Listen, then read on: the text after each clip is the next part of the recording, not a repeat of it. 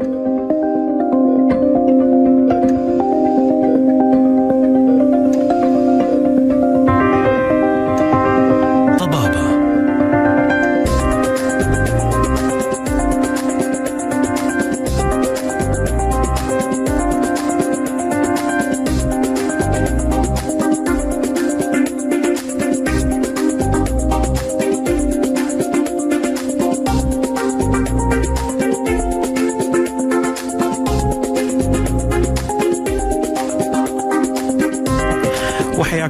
أعزائي المستمعين ويا هلا وسهلا فيكم في حلقة جديدة من برنامج طبابة على أثير إذاعتكم. ألف ألف FM معكم من خلف المايك. أنا هاني المهندس من الإخراج والكنترول معنا الأستاذ جابر الكعبي. طبعا حلقتنا اليوم أتوقع أسميها الحلقة المفقودة. ليش نسميها الحلقة المفقودة؟ لأنه اليوم طبعا موضوعنا عن التوتر والقلق. وبعدين التوتر والقلق يكون مرات شديد ومرات خفيف.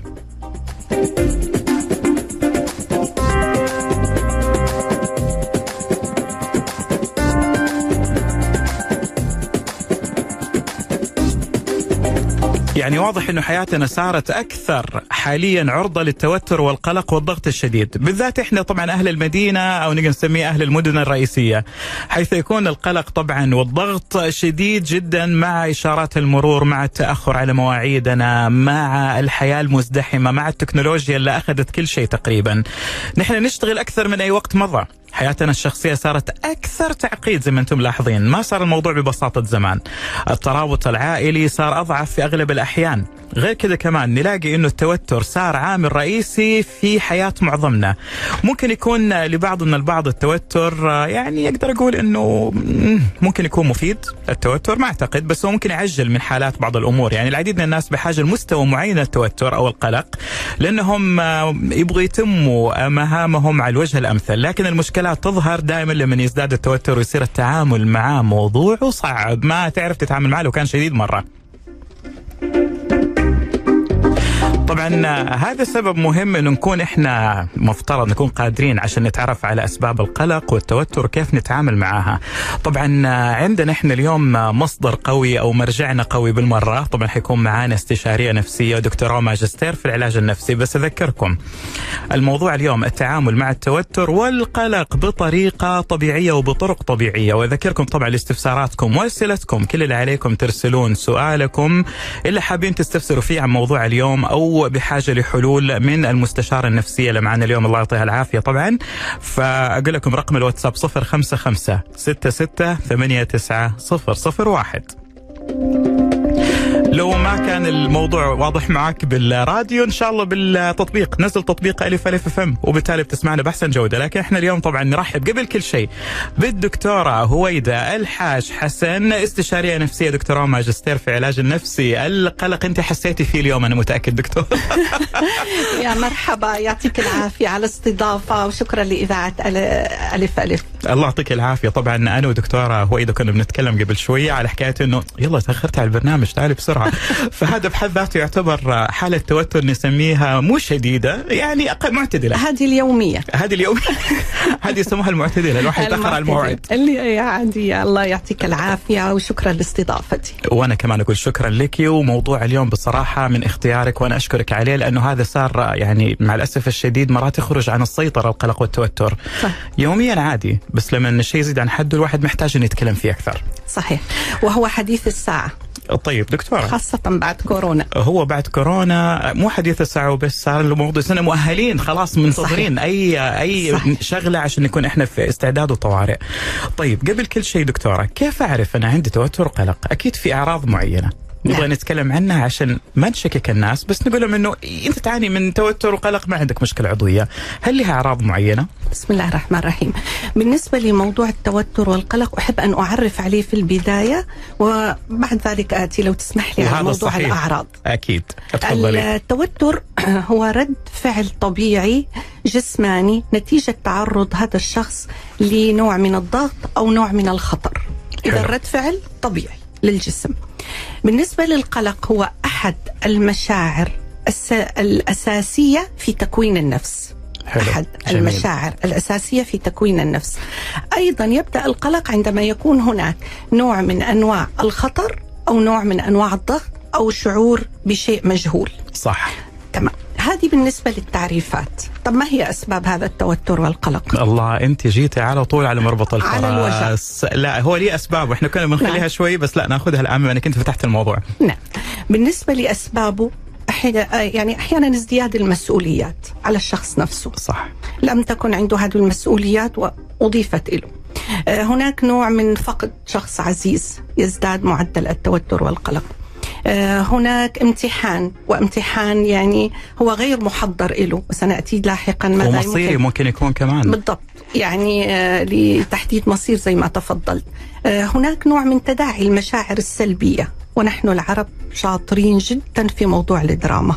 يعني نحب لا أن آه لو سمحت دكتور هذا. اختصاص. معليش يعني عشان نكون إحنا واضحين.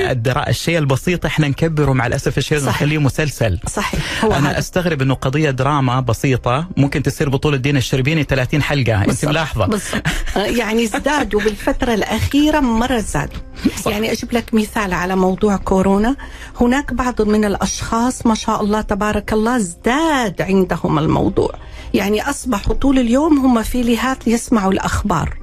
والإعلان وماذا حصل وإيش حيصير وما هو المستقبل. مع الأسف يعني الشديد. حتى تناسوا موضوع الدين إنه نحن ناس مسلمين مؤمنين بالله عز وجل هذا قضاء وقدر. ولن يصيبنا إلا ما كتب الله كتب لنا. الله لنا سبحان الله يعني فأمور كثيرة. لأنه في بعض نتكلم عن الشركات الإعلامية بدأوا إيش يقتنصوا الفرصة ويسووا مدخولات من حكاية اللي هو البروباغندا بالضبط. والإشاعات حقت كورونا. وأنت شايف الوضع كيف؟ سواء بالواتساب أو بالتلفزيون أو صحيح. بالجرايد غذالهم موضوع الخوف هذا. صحيح صحيح. ووجدوا تربة خصبة في مجال الكورونا للأسف. مع الأسف. وإحنا إلى الآن ترى ما زلنا إحنا في تبعاتها موجودة. صحيح. يعني أنا كان عندي مراجعات ومراجعين يعانوا من بعض من القلق العام. مع مجيء كورونا اعتزلوا الناس تماما. لما رجعت بالأسئلة لهم طبعا كنا أونلاين. آه إيش الموضوع؟ اللي أنا أتابع الأخبار الصبح والظهر وفي الليل و... طب إيش حيصير لي؟ طيب ماذا حيحصل؟ طب أين الإيمان؟ هل العالم انتهى؟ هل هل انتهى العالم بسبب كثرة الإعلانات وبسبب يعني الضغط النفسي الغير عادي اللي صار علينا في كورونا طبعا نحن لا ننكر أن يعني ما حصل لنا في كورونا هو حقيقة أول مرة بيحصل في تاريخ العصر الحديث يعني من إحنا نراه أو اللي من مئة عام أو أنه تعتزل الناس تجلس في بيوتها علما أنه أنا وجدت فيه إيجابيات وس... مثل قد في وسأتحدث إيجابيات عنها. أيضا. حنتكلم عنها أكيد بس تعرفي دكتور الشيء خوفني في القلق قبل تعريف القلق قبل ما هو القلق مرات في أعراض إحنا نفكرها مرضية صحيح. عضوية ولكن تطلع هي بسبة عرض نفسي قلق وتوتر. صحيح. دكتوره حموضة المعدة والارتجاع نتكلم عن الصداع عدم التركيز. الأعراض الجسمية اللي حتى نتناولها الآن. الغثيان الإسهال الإمساك وانت بكرامة. صحيح. يعني أشياء مرعبة ب... صحيح. إنه هذا مو مرض عضوي. صحيح. أنا إيش كم أعراض؟ إذا أنت عندك صداع ما له أي تفسير. مشاكل في التنفس. صحيح. يزال خفقان والتنفس السريع. هذه كلها قلق توتر. وهنا لو تسمحني أنا أت- يعني أتكلم عن أعراض التوتر والقلق البسيطين. يعني مم. نحن لم نأتي إلى المرحلة المرضية. طيب. هناك أعراض جسمية وهناك أعراض نفسية. نأتي على الأعراض الجسمية وما شاء الله عليك يعني أنت مذاكر كويس أنا مو ذاكره بس حتى أنا مريت فيها قبل كده آه. وصرت فاهم في موضوع القلق إنه نعم. ممكن يأثر بشكل غريب يعني المشكلة النفسية تصب في الدم صحيح فطبيعي إنها صحيح تبين صحيح من الأعراض الجسمية والصداع زي ما تفضلت هناك ارتجاع مريء آه هناك نوع من آه ال نسميه يعني حموضة في المعدة. آه هناك الإسهال زي ما تفضلت والإمساك وهذا يتجلى غير مبرر تخيلي. غير مبرر. قبل الامتحانات ترى كلنا كنا نمر بهذه المراحل ما في المطن وغثيان. لازم. القولون العصبي يتهيج. سبحان وكثير الله. الآن من موضوع القولون العصبي. وحأجي بنقطة لو يسمح لنا الوقت بعدين على موضوع التغذية لأنه للأسف إحنا ليه دور تغذيتنا كبير؟ تغذيتنا غير سليمة. بنتغذى على القهوة اللي هي بتساعد القلق الله يسلمك. ابتداء دكتوره من القهوة وانتهاء بالليل بالوجبات السريعة. الله يعني تعرفي ذهب يؤوت مرجان احبلك يا رب يعني تعرفي من. وإلى. دكتورة نعطيكي نفسك شوي بس. حنطلع. فاصل. دكتورة مرجعنا اليوم نجمتنا الدكتورة هويد الحاج حسن استشارية نفسية. دكتورة وماجستير في العلاج النفسي وبعدين ما شاء الله على طولة بالك. اللهم صل على النبي. بنتكلم عن التعامل مع التوتر والقلق ولكن بطريقة طبيعية. أنتم تستمعوا لإذاعتكم ألف ألف أف أم ورقم الواتساب 055 66 89 001 لاستفساراتكم.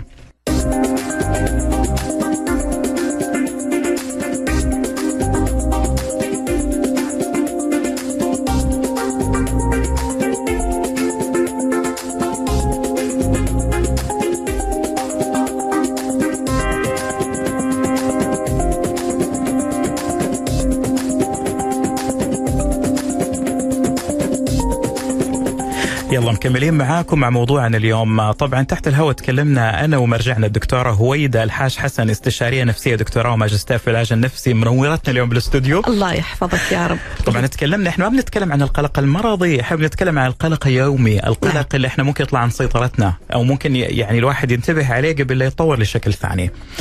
دكتورة نبغاك تكلمينا أكثر عن هذا الموضوع. تسلم. كنا نتكلم عن الأعراض الجسمية وحعيدها بشكل سريع.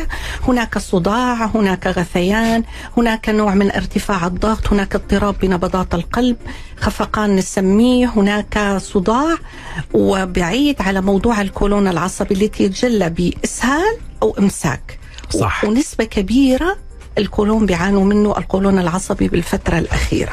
الحمد لله. دكتورة يعني أيام الاختبارات النهائية أو مشاكل مثلا زي مشاكل حقت قلق كنا دائما نروح الحمام وأنت بكرام انذار, إنذار خاطئ. صحيح. يعني يصير لنا كذا بس إنه ألم على الفاضي مرات. صحيح. واحيانا ما تحس إنه في شيء ولكن هي عرض إسهالي أو إمساك نتيجة الاضطرابات اللي حصلت الجسمية. سبحان الله. هذه هي. آه معلش تسمح لي أورد حاجة عن موضوع الأكل؟ بيلعب دور كبير في موضوع التوتر والقلق. وتوصي لنا بموضوع القهوة بالمرة في الطريق. هذه يعني أنت خير من تكلمت وخير من أوصيت إن شاء الله. آه اولا عندنا عادات غذائية خاطئة تماما ابتداء زي ما تفضلت بالقهوة. أنا قرأت في جريدة الشرق الأوسط من حوالي كم شهر أنه معدل مصروف الفرد السعودي على القهوة كبرستيج أحيانا إيه نعم. من 400 ل 500 ريال شهريا. إذا مو أكثر. إذا مو أكثر. هذا خلينا نقول المعدل الطبيعي اللي هم تناولوا.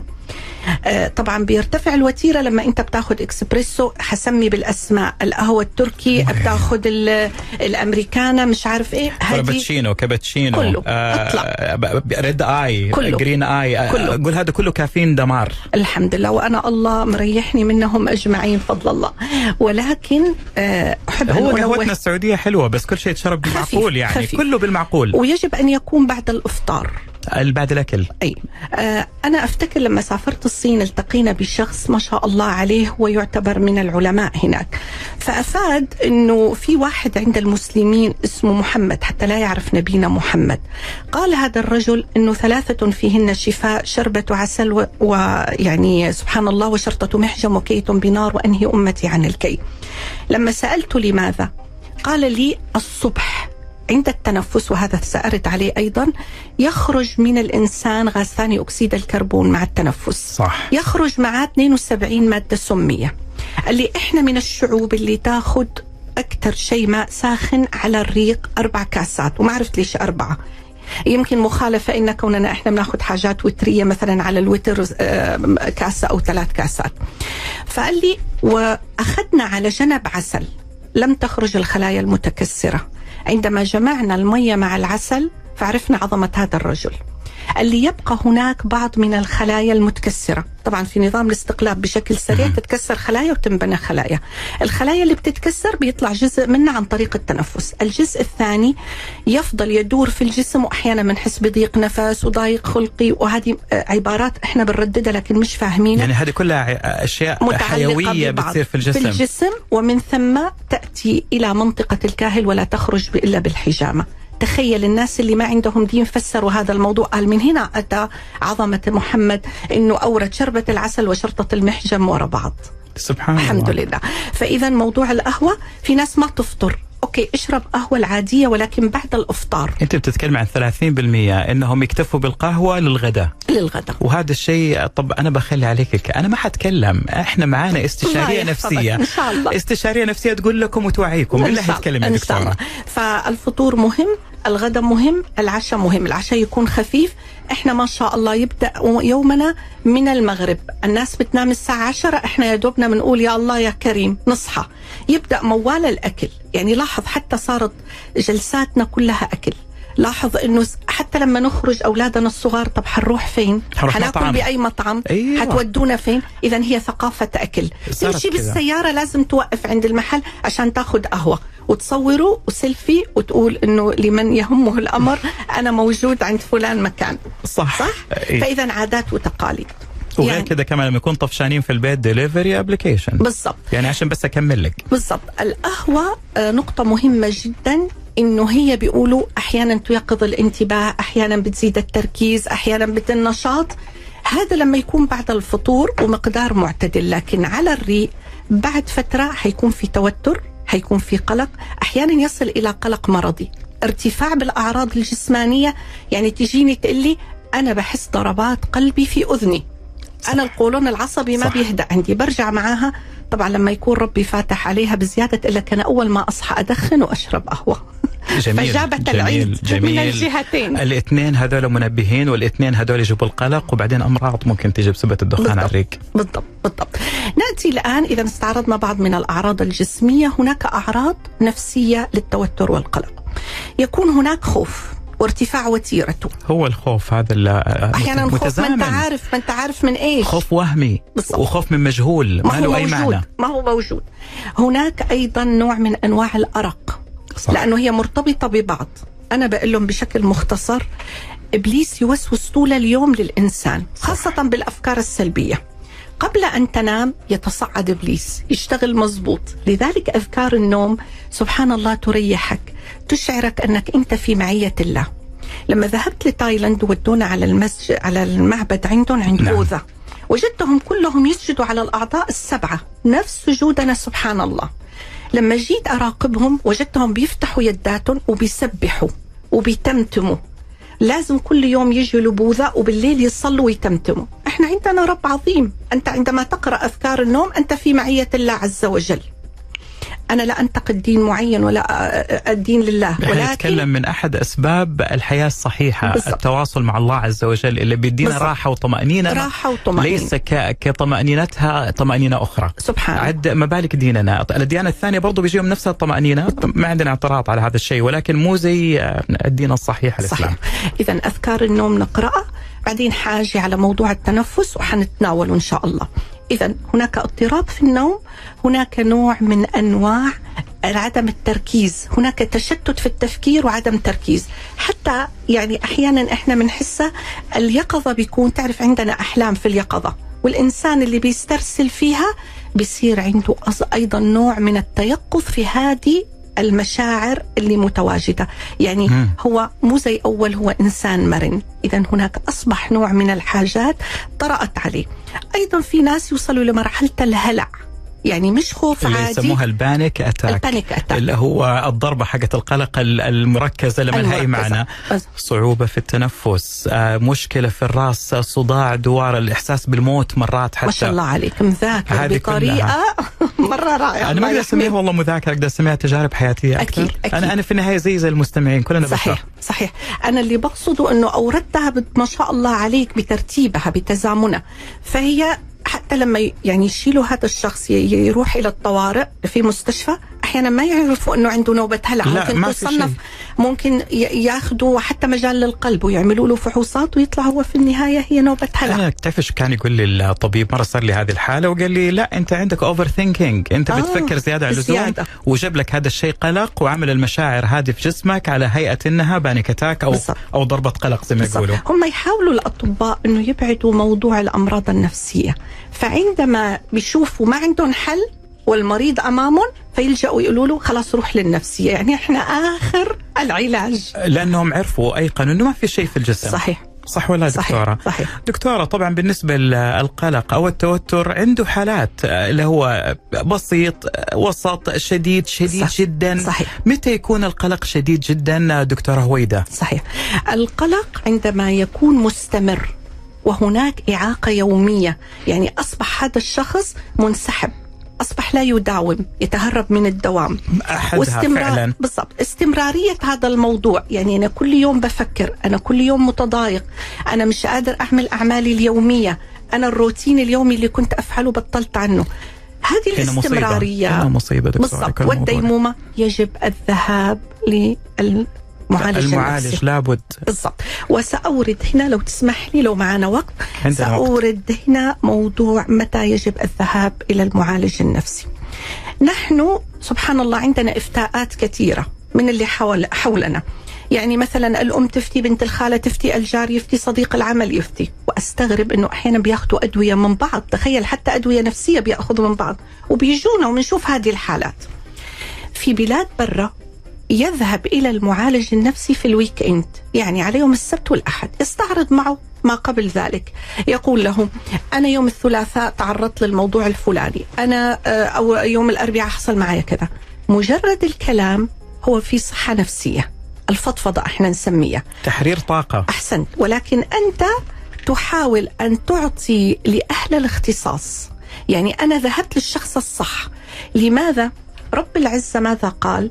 فاسألوا أهل الذكر إن كنتم لا تعلمون. أهل الذكر هم أهل الاختصاص. لا يستوي الذين يعلمون يعلمون والذين لا يعلمون. نتكلم بصراحة يعني يعني جارتك مو زي شخص مختص في الطب. النفسي معليش. بالضبط.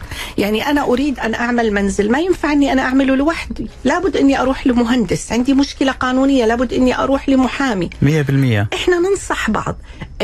إحنا عندنا تآلف. وعندنا رباط وعندنا أواصر يعني عالية جدا. ولكن نحتاج عندما نحس أن الموضوع بات عالي ليس سر وليس عيب. المعالج النفسي ليس حرام. يعني صراحة إحنا شوهوا في الإعلام قديما يعني أنا أنا شخصيا كنت أشوف فيلمين وأنا صغيرة ما أفتكر غيرهم. أول فيلم طلعوا لنا الطبيب النفسي ما شاء الله عليه موزون وممتاز. في. نهاية الفيلم خلوه يلبس بدلة خضراء آه، جزمة حمراء آه، شعره منكوش إنه هذا ترى فصل. يعني أنتوا لو رحتوا له ترى هو كذا.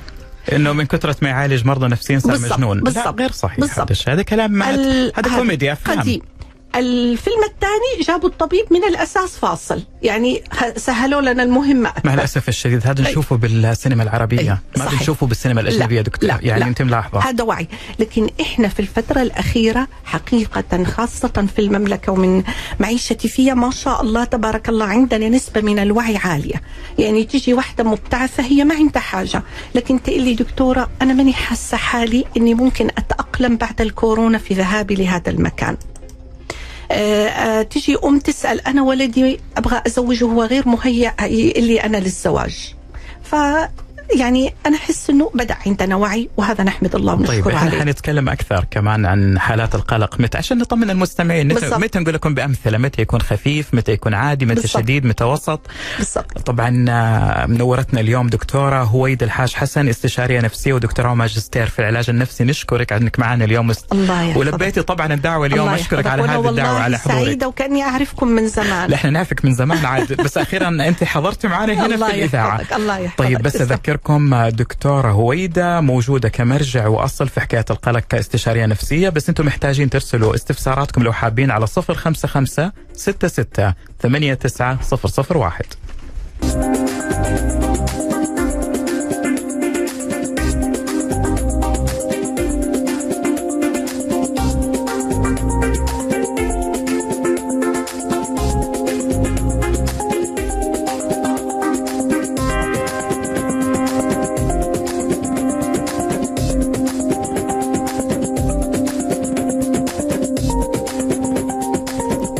طيب إحنا مكملين معاكم في موضوعنا اليوم في برنامج طباب على أثير إذاعتكم ألف ألف أف أم. التعامل مع التوتر والقلق بطرق طبيعية.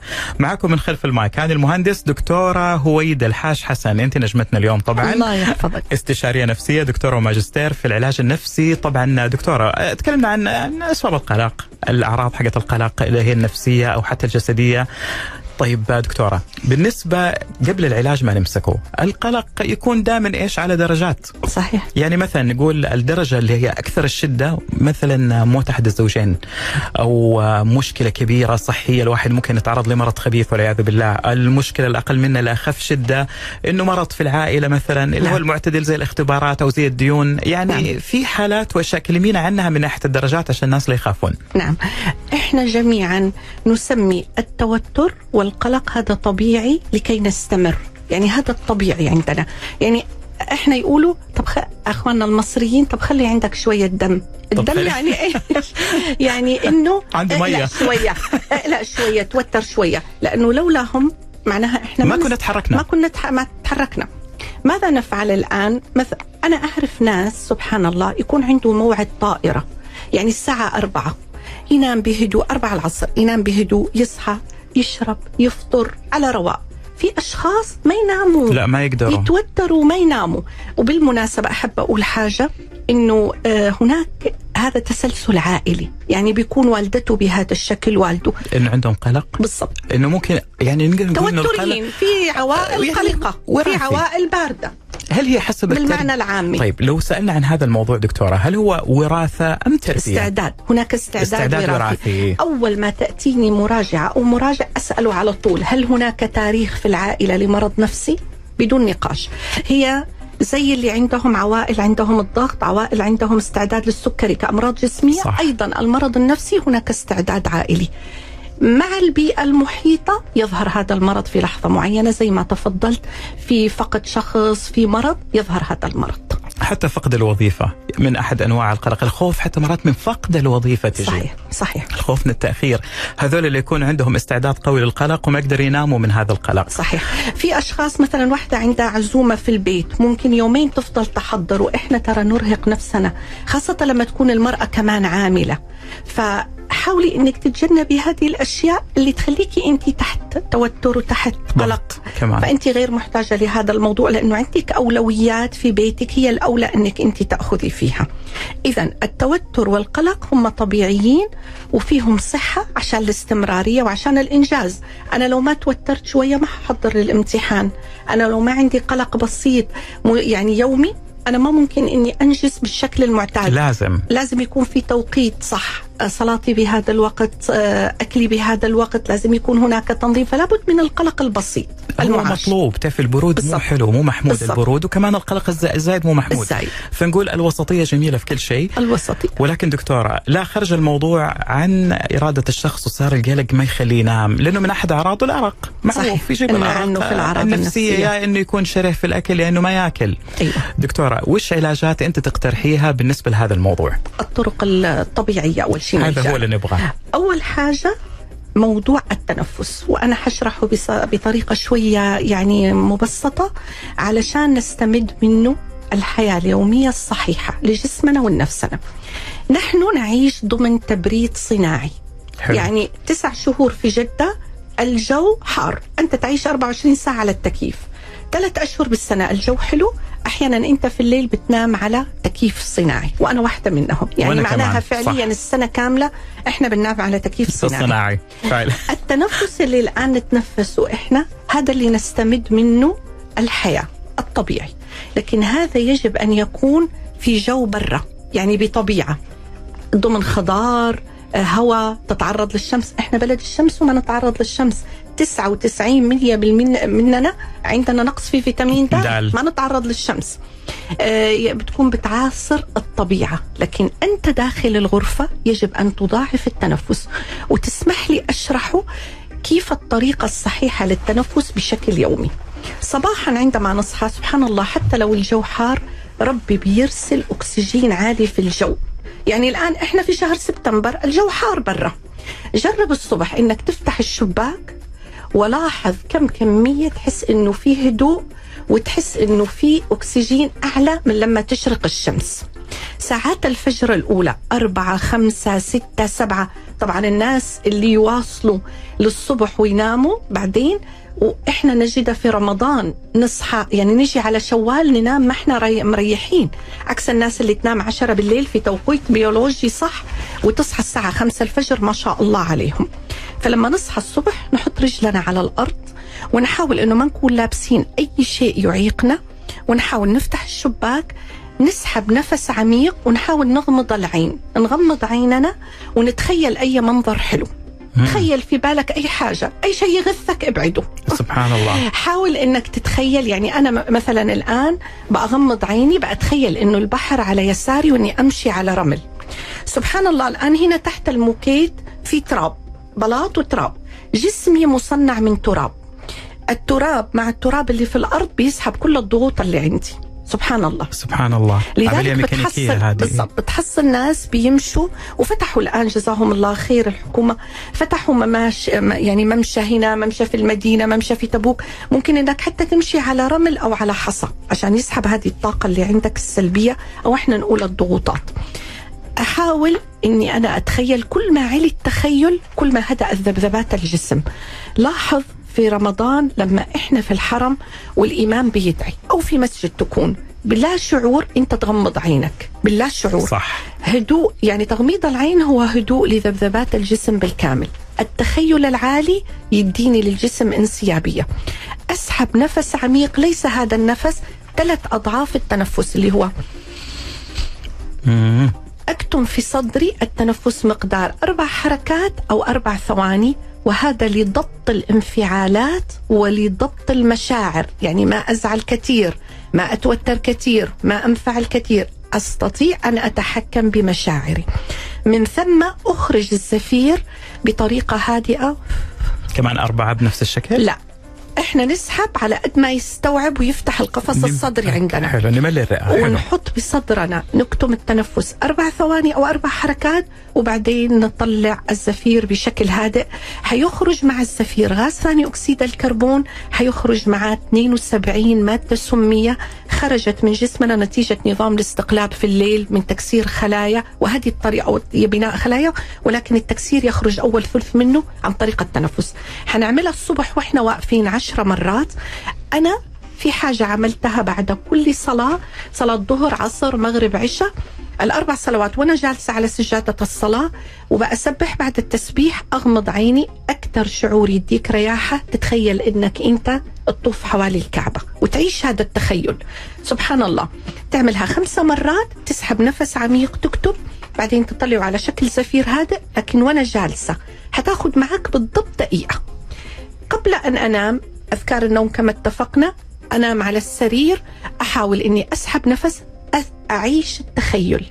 أكثر تخيل يديك شعور بالرياحة. منظر أنت تحبه ورد. تتخيل حالك أنك جوا جوا الكعبة المشرفة. أسأل الله لي وليكم ولجميع المستمعين دخولها يا رب العالمين. آمين يا رب. فنغمض. لا.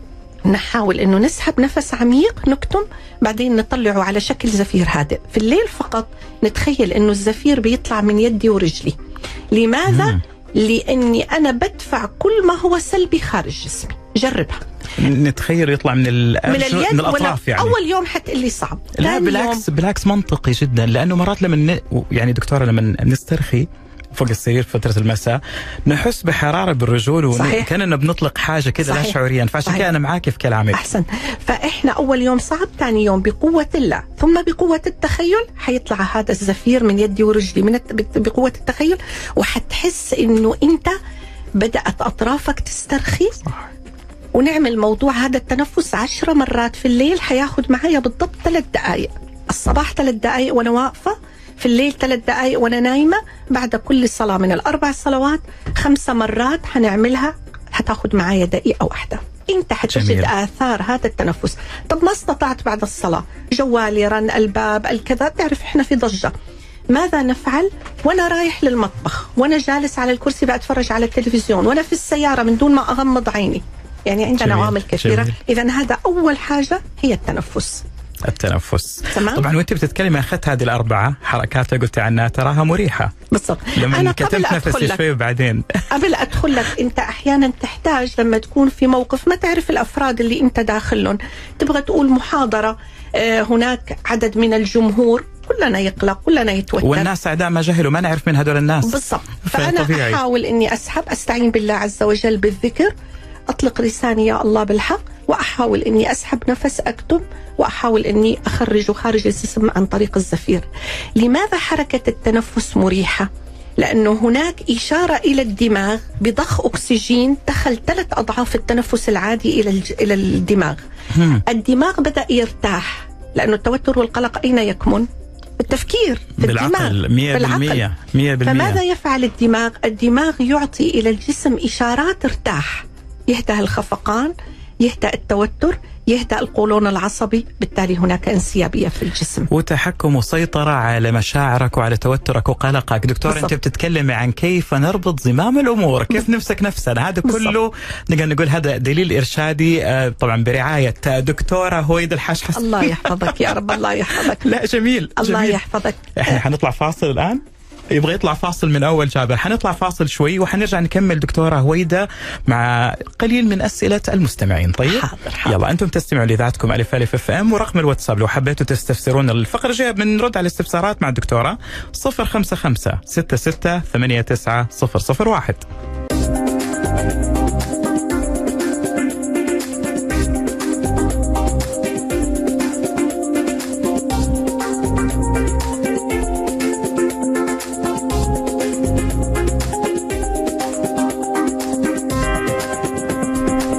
وحياكم الله أعزائي المستمعين ومكملين معاكم حلقة طبابه معايا من خلف المايك أنا المهندس ومعانا اليوم آه، طبعا مرجعنا الدكتور هويدا الحاج حسن استشارية نفسية دكتوراه وماجستير في العلاج النفسي دكتورة هويدا نبغى نتكلم عن العلاج بس آه، في سؤال آه، والله من بداية الحلقة بعته ال- المستمع. احتراما لي طبعا يقول السلام. عليكم دكتورة هويدا عندي استفسار عن حالتي. ممكن لها علاقة بالتوتر. يقول أحس بكتلة في حلقي. حلو. مزعجت لي زي الغصة يعني. يقول سويت تحليل غده درقيه تحاليل جرثومة معدة ما في شيء طالع هل ممكن هذا يكون توهم أو توتر أو قلق؟ إيش رأيك؟ آه، جزاه الله خير. سؤال مهم. يعني هناك أعراض جسمية تبدأ عند الإنسان ترى هذه من ضمنها. أحيانا بيحس شيء على صدره جاثم أحيانا بيحس بكتلة بحلقه. لما يفحص جسميا يحصل ما عنده ولا حاجة فيردوا الموضوع إلى النفسية. نعم. هو يحتاج أن نأخذ التاريخ لهذا الموضوع ولماذا؟ ما هو طبيعته؟ هل هو من الأشخاص المتوترين القلقين؟ هل هو يشيل هم؟ هل هو هذا الشخص عنده تاريخ في العائلة لمرض نفسي؟ يعني لابد أنه نأخذ تاريخ الحالة. والخوف يكون ممكن آه، الخوف من المرض. نعم. زي التمارض مرات نعم. الواحد يتوهم إنه عنده مشكلة. نعم. وهذا ما أوصى فيه الرسول. عليه الصلاة والسلام. لا تمارضوا كنا نتكلم آه، خلف الميكروفون. لا تمارضوا فتمرضوا فتموتوا. أوصانا عليه الصلاة والسلام. وهذا من تقبل اللي عندنا ومن بث المشاعر الإيجابية إنه هذا بأمر الله. أين دينك؟ يا دكتورة معناها أنا أشعر إن جسمي يصدق اللي يقوله اللسان والعقل ما صحيح. أعرف. الإنسان موكل يعني بمنطقه مرات أكون في عز تعبي أقول لا أقدر أسويها وأقدر أروح العمل وما عندي مشكلة فجاه أحسنت. ألاقي نفسي نشيط. نعم. وهذا اللي بيصير عادة. وهذه من واحدة من علاجات اللي أنت جبتها الآن بالتوتر والقلق. إني أنا إعطاء المشاعر الإيجابية لنفسي. أنا بخير أنا الحمد لله مطمئن أنا حستطيع إني أعمل هذا الشيء. صح. يعني أنت كما تقول نفذ سبحان الله. لأنه الجسم يصدق. يصدق والنفس تصدق. ودكتورة سؤال ثاني بس آه تفضل. هذا حلو كلنا مرينا فيه. دكتورة اسمعي هذه معايا. يقول آه، دكتورة طبعا السلام عليكم دكتورة هويدا عليك يقول دكتورة أنا بنت عمرها 8 سنوات وعندها خوف من الذهاب للمدرسة أول سنتين. كورونا. كانت من بسبب كورونا أول سنتين آه وكانت تدرس عن بعد. مش الحال. والحين ما تروح إلا معاها أمها. والمدرسة الحين تقول لازم الأم آه تداوم لوحدها يعني البنت من غير الأم. طيب اللي حاصل البنت تعرضت لخوف من زوجة عمها سكرت عليها الباب عمر ثلاث سنوات والبنت الآن خوافه من الأماكن المغلقة والمدرسة. الكلام شوي غير مترابط بس نعم. اللي فهمته من كلامه إنه هي عمرها 8 سنوات وبتخاف تروح المدرسة دكتورة. نعم. أكيد في إحنا كلنا مرينا بهذه المرحلة. لكن هناك بيكون تهيئة من الأهل على موضوع المدرسة. الم- حتحصل أقرأ زملائك. ما شاء الله حيعطوك هدايا. الأم تروح أول يوم للتشجيع لأنه هو انفصال عن البيت رؤية أشخاص جديدين. فأغلبنا مر بهذه المرحلة. كلنا. بالنسبة لموضوع الكورونا هذه واحدة من الآثار اللي ما بعد الكورونا. جلسنا الأولاد في البيت سنة سنتين وبعدين قلنا لهم تعالوا انطلقوا. وهي أصلا ما دوبها. يعني دوبها داخل المدرسة. فهي تحتاج لإعادة تأهيل. واحدة منا أنه تفضل أمها معاها مرة مرتين يحاولوا في المدرسة المرشدات اللي موجودين أنه يعطوها شيء يرغبوها ألعاب تحاول أنه تقرب زميلة لا يعني لها في المدرسة أكثر. وهذا نوع من أنواع الرهاب اللي بنعاني منه الآن بعد الكورونا تعرف إيش اللي خوفي دكتورة؟ الأطفال ما صاروا يناموا بدري، أنا خوفي إنها تصحى من النوم تعبانة وما لها خلق تروح المدرسة وما تحب المدرسة نعم، نعم. بسبة السهر وبسبة الأونلاين وهي والخوف طفلة أنا انتبهت أنه قال هو يقول خايفة. أنه هناك مرة عمها خوفتها من أكثر حاجات تترك آثار سلبية في نفس وشخصية الطفل هي التخويف يعني حتى يجونا أحيانا أطفال أول ما يشوفوا البالطو الأبيض إحنا ال uniform لابسينه يخافوا يجروا على طول لأنه بخو لو ما نمت حوديك للطبيب لو ما سويت كذا حضربك إبرة فخلاص ارتبط عندهم حتى اللي يلبس البالطو الأبيض هو حيستخدم أشياء أخرى لذلك في العيادة عندنا بتحصل مجموعة ألعاب علشان نساهم بهذا الموضوع أو. حتى رسم نساعد الطفل على هذا الموضوع دكتورة دكتورة سؤال أخير طبعا تفضل. بس هذا مو قلق هذا أتوقع حالة ملل طيب. حلو. طبعا ممكن نجاوبه. يقول دكتورة هويدا لي ثلاث سنوات في الشغل وكنت أحب الدوام حقي ولكن الآن وصلت لمرحلة الملل والطفش والبرود لأسباب من نفس الدوام الأسباب. هل قرار الاستقالة يكون حل؟ وهل الموضوع نفسي؟ نعم. كده على السريع نقول آه هناك روتين في الحياة اليومية بيصير عندنا فأنا ماذا أفعل عشان أكسر هذا الروتين في العمل؟ أجد أشياء جديدة أتعلم حاجة جديدة تضيف إلي في العمل أمارس الرياضة إحنا للأسف لا نمارس الرياضة جميعنا ترى. الآن بدأت الحمد لله النوادي وإلى آخره. نظام البلد لا يساعد كثير. يعني الجو الحار أنت دائما في البيت. نظام أكل وجلسة تقوم على من الكرسي تجلس على كرسي السيارة إلى آخره. فحاول أن تعمل رياضة. لاحظ الرياضيين ما عندهم أمراض نفسية. نعم. لماذا؟ لأنه طول اليوم ثلاث أربع ساعات هو بيعمل تمرين. يعني بيجهد نفسه فبيحرر الهرمونات. إحنا عاوزين الإدرينالين يروح عاوزين يفرز الإندروفين عاوزين يفرز هرمون السيروتونين اللي هو هرمون السعادة. عشان. كده نحرك جسمنا شوية في الرياضة. الاستقاله ليست حل. يجب معالجة السبب ومعرفة ما هو وزيادة القدرات اللي عندك وممكن إنه إن شاء الله وتعالى تصير الأمور أفضل لأنه أنا لا أختار مديري ولا أختار عملي. وبعدين إذا أنت ما تحديت هذا الشيء ممكن تروح دوام ثاني. يتكرر نفس الشيء نفس الشيء. دكتور نبغى نرجع مع ال... إحنا جاوبنا الأسئلة نقدر عليها. نبغى نعم. نكمل موضوع العلاج. إحنا تكلمنا نعم. عن التنفس وبطريقه جدا جميلة. إيش نعم. ممكن تقولنا كمان؟ نعم.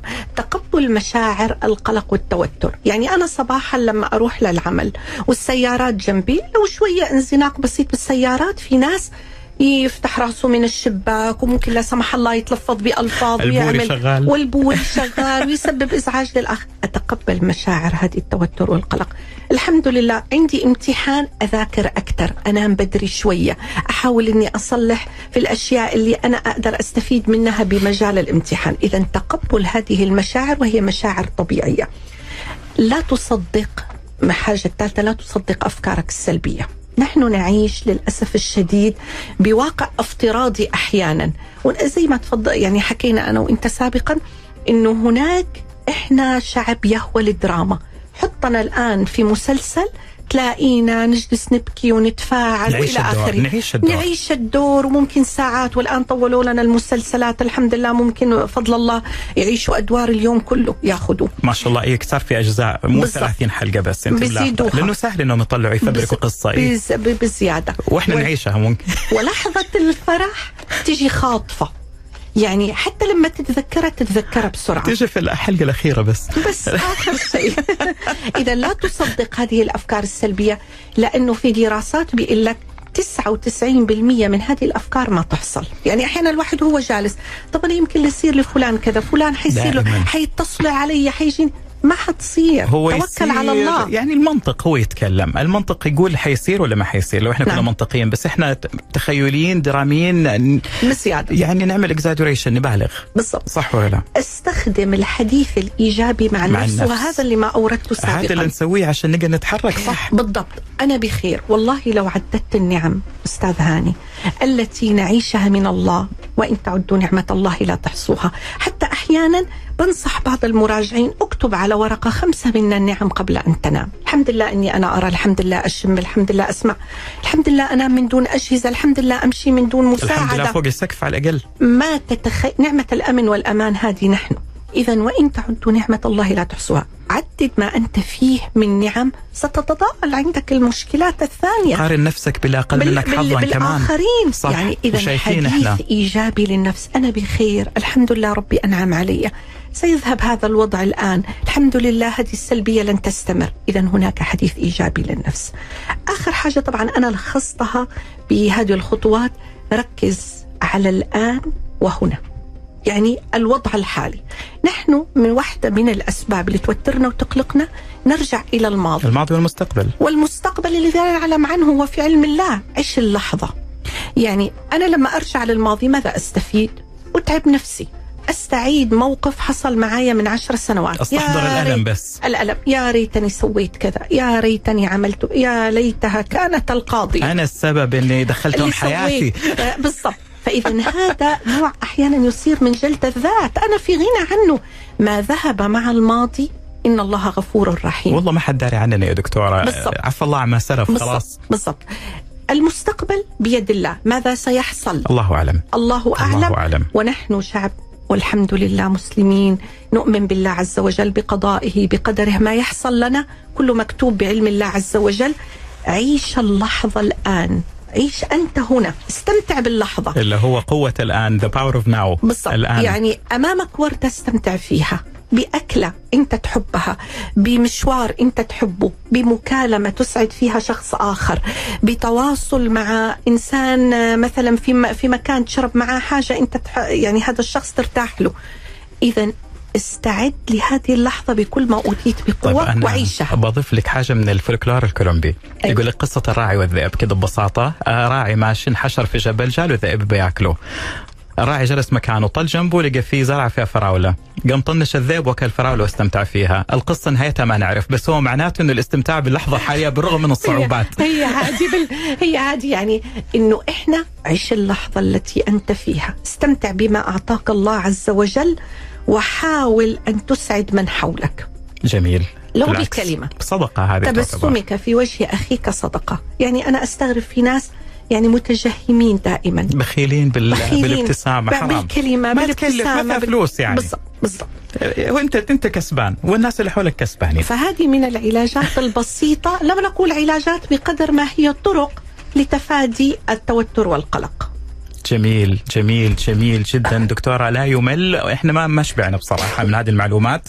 ولكن دكتورة أكيد مستقبلا حيكون عندك مجال تجي معنا طبعا في حلقات ثانية وتكلمينا عن مواضيع متعلقة أكثر بالنفسية الإنسانية.